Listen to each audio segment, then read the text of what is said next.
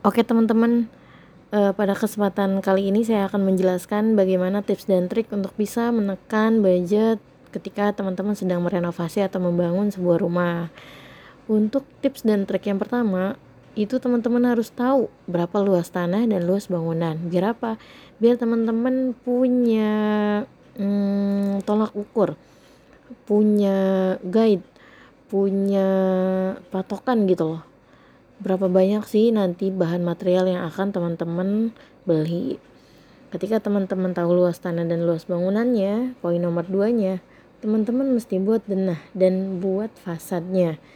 Denahnya seperti apa ya berpatokan dari tadi luas tanah dan luas bangunan. Misal teman-teman pengen teman-teman tahu nih uh, luas tanahnya misalkan lebarnya 6 meter, panjangnya 10 meter. Berarti 6 kali 10 60 meter nih luas tanah teman-teman. Nah, teman-teman bikin denahnya, kamar mandi di mana, kamar tidur di mana ya kan? Ada karpetnya atau enggak, ada tamannya atau enggak. Setelah teman-teman bikin denah sesuai dengan keinginan teman-teman, teman-teman cari fasad, fasad rumahnya, model rumahnya mau seperti apa nih. Ya kan? Cari fasadnya di mana? Teman-teman bisa uh, dapat referensi dari Google dari IG itu udah banyak banget model-model contoh rumah ya kan?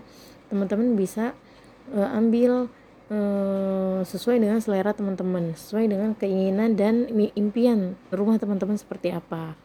Oke itu yang kedua. Yang ketiga cari jasa arsitek untuk membuatkan RAB-nya nah setelah teman tahu luas tanah dan luas bangunannya dan ada denah dan juga fasadnya seperti apa teman-teman konsultasikan itu kepada jasa arsitek Biasanya nomor tiga ini yang sangat tidak dilakukan dan sangat di, sering diabaikan untuk orang-orang yang sedang membangun dan merenovasi rumah dengan asumsi jasa arsiteknya mahal, ribet dan lain-lain. Apalagi buat orang-orang yang di kampung ya, yang kayak gini-gini tuh nggak kepake banget. Padahal kalau menurut saya jasa arsitek yang membuat RAB ini itu sangat membantu memang tidak meminimalisir budget tapi membantu untuk bisa meminimalisir budget. Dengan adanya RAB, rencana anggaran biayanya ini, kita akan jadi tahu kebutuhan item dari uh, bangun bahan bangunan pembuatan rumah kita itu berapa banyak. Ya, dah ini nanti akan berpengaruh ke tips dan trik selanjutnya. Oke. Yang keempat, pakai jasa tukang borongan jangan sampai kita mau renovasi atau bangun rumah dengan item pengerjaan yang banyak kita pakai jasa tukang harian. Karena kita pasti akan kebobolan banget teman-teman. Kita coba asumsikan satu tukang kita bayar 150 ribu. Untuk pengerjaan rumah kita misalkan ada empat tukang. 4 dikali 150 ribu aja itu udah 600 ribu. Sehari seharinya kita harus ngeluarin 600 ribu untuk jasa tukang Coba bayangkan kalau itu satu bulan, dua bulan, tiga bulan, empat bulan. Berapa rupiah, berapa ratus rupiah, berapa ratus juta yang harus kita keluarkan hanya untuk tukangnya aja. Nah, saya sangat merekomendasikan kalau teman-teman mau renovasi rumah yang item pengerjaannya banyak dan juga mau membangun rumah mendingan pakai jasa tukang borongan. Memang misalkan e, terkesan di awal besar, oke okay, 50 juta 100 juta misalkan. Tapi kan kita sudah aman kita sudah tenang. Kita sisihkan kita poskan 100 juta untuk bayar tukang. Setelah itu kita nggak harus mikirin lagi tukang untuk bayar tukang. Mau sebulan dua bulan tiga bulan berapapun itu lamanya ada kendala masalah cuaca dan lain-lainnya pun kita tidak perlu memikirkan lagi perihal budgetnya gitu loh. Gitu ya bedanya seperti itu. Yang kelima tips dan triknya itu beli bahan materialnya sendiri. Kan biasanya ada dua opsi ya untuk pakai jasa borongan itu ada yang borongan tukang sekaligus bahan material ada borongan tukangnya aja bahan materialnya sendiri. Nah kita ambil uh, opsi yang kedua. Kalau misalkan kita ikut opsi yang pertama uh, bahan bangunan dan tukangnya borongan itu biasanya kita dibelikan bahan bangunan yang murah sama mereka. Tapi kita membayar mereka seharga yang bagus gitu. Jadi kita nggak bisa mainin di situ tuh. Nggak bisa e, neken budget melalui itu. Biasanya orang-orang yang udah jelas punya duit gede ya pakai yang opsi yang pertama. Kalau kita memang pengen banget makan budget ya kita pakai opsi yang kedua. Beli bahan materialnya sendiri oke? Poin yang keenam cari bahan bangunan yang murah di marketplace. Nah ini yang saya lakukan ketika saya merenovasi rumah ibu saya kemarin. Setelah kita tahu kita udah pegang RAB nih rencana anggaran biaya. Kita udah tahu nih kebutuhan dari uh, item bahan bangunan dari rumah kita tuh berapa banyak. Kita itu bisa bisa banget yang namanya ngitung totalnya tuh berapa sih yang dibutuhin ya. Kita survei itu nggak harus datang langsung ke material deket rumah kita papai satu-satu nggak mesti kayak gitu. Teman-teman tinggal cari aja buka OLX misalkan teman-teman mau nyari pasir. Ketik di pencarian pasir ya kan? Nanti kan ke kelihatan tuh tukang-tukang material yang jual pasir. Teman-teman cari yang termurah. Begitupun dengan hebel begitupun dengan yang lain-lainnya bahan-bahan yang lain.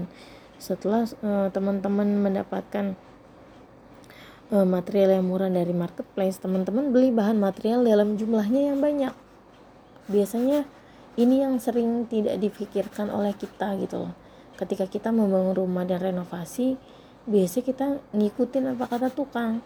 Kayak misal beli bu beli pasir ya sekol. Ya kan? Satu kol aja dulu buat uh, ini nih kampor tembok misalkan gitu. Terus misalkan beli semen dua sak beli ini segini belinya sedikit-sedikit. Yang ada apa? Kita dapat harga eceran. Harga eceran itu biasanya itu sangat mahal ketimbang harga grosir.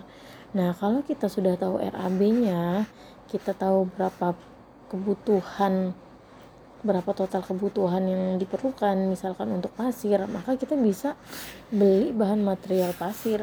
Itu dalam jumlah yang banyak. Kayak misal kita lihat nih RAB rumah kita kita ternyata total untuk membangun 60 meter rumah kita itu diperlukan uh, 15.000 bata hebel. Nah kita bisa beli tuh. Langsung 15.000 bata hebel pasti kita dapat harga yang sangat murah dibanding kita beli eceran. Gitu loh. Nah dari sini kita bisa dapat bisa nekan budget yang sangat drastis ketimbang kita beli eceran contoh yang paling saya ingat ketika saya kemarin renovasi rumah ibu saya.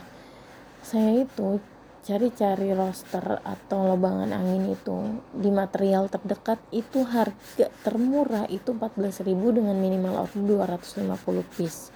Itu termurah dan yang mahalnya itu bisa sampai 17 sampai 20 ribu untuk satu rosternya. Ketika saya cari di OLX saya itu dapat 10 ribu dengan minimal order 250 piece. Artinya sama kan? Coba bayangin teman-teman. Ada selisih 4000 dalam satu piece nya 4000 dikali 250 berapa juta? Selisihnya gitu loh ketika kita beli beli gitu aja di material tanpa kita survei terlebih dahulu gitu. Nah ini tips dan trik yang mesti banget diaplikasiin sama teman-teman Oke, setelah beli bahan material dalam jumlah yang banyak, tips dan triknya itu pantau pekerjaan tukang setiap hari. Ini yang kadang bikin kita males atau uh, bikin kita sungkan gitu loh untuk melakukannya. Padahal ketika kita pantau pekerjaan tukang setiap hari, mau itu harian atau borongan, kita tahu uh, sudah sampai di mana dan bagaimana pengerjaannya tuh betul atau tidak sesuai dengan peruntukannya biasanya kita itu baru mengevaluasi ketika rumah sudah jadi